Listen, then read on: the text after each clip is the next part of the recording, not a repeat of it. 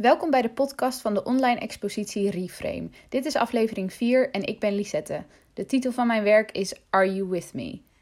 En ik ben Isa. De titel van mijn werk is Faalkracht. Mijn werk bestaat uit een driedelige fotoserie waarin ik een stoel afbeeld die opzettelijk verkeerd in elkaar is gezet. Om te laten zien dat mislukken een eigen schoonheid heeft. En mijn werk bestaat uit een installatie van verschillende formaten beeldschermen met kleurrijke animaties. Met als doel je bewust te maken van de onvermijdbare bewuste en onbewuste prikkels en invloeden die jouw telefoon op je heeft. De invulling van het thema reset was voor jou refill. Welke betekenis heeft dit voor jou in jouw project?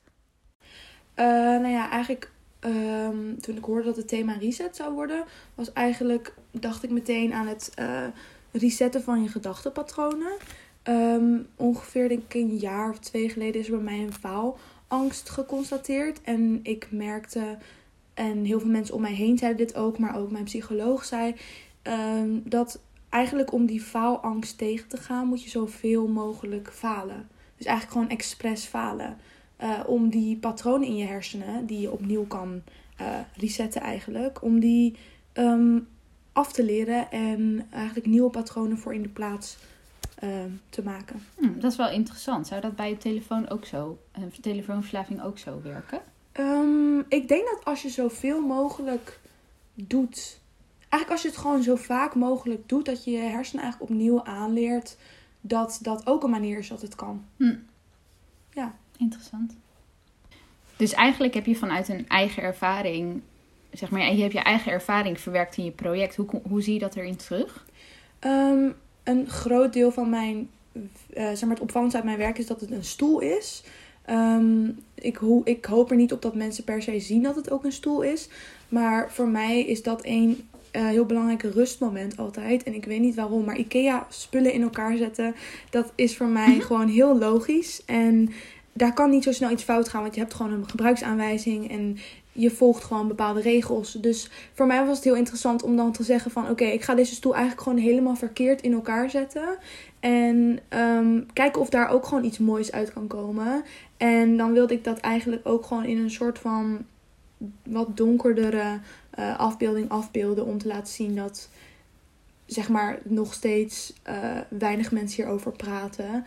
En dat ik wil eigenlijk dat steeds meer mensen um, het in het licht gaan zetten, zeg maar. Okay. Dus het is eigenlijk een soort van de schoonheid zien in iets wat mislukt is. Precies. Dat is wel ja. mooi. Ja, dank je. uh, hoe ben jij op het onderwerp telefoonverslaving gekomen? Nou, toen ik hoorde dat uh, het, het overkoepelende thema reset zou zijn, uh, was dat eigenlijk het eerste waar ik aan dacht. omdat het iets wat iets is wat me eigenlijk heel erg stoort. Telefoongebruik uh, onder vooral jongere mensen. Um, en um, ja, dat echt overal waar je kijkt, uh, zitten mensen wel op hun telefoon. En zelfs als je in een restaurant zit met mensen, zijn mensen alsnog bezig met wat er eigenlijk op hun telefoon gaande is. En het is gewoon een, een probleem wat steeds groter wordt, wat er vroeger niet was. Um, dus ja, ik, dat, zou ik, dat vond ik eigenlijk meteen een mooi onderwerp om te resetten en om te kijken hoe ik mijn project eromheen zou kunnen bouwen.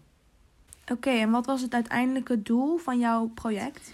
Uh, nou, eigenlijk wil ik gewoon een soort bewustwording creëren. Dus het, ja, dat mensen inzien wat het eigenlijk allemaal met je doet, uh, een telefoonverslaving, en, en hoe ernstig het eigenlijk is.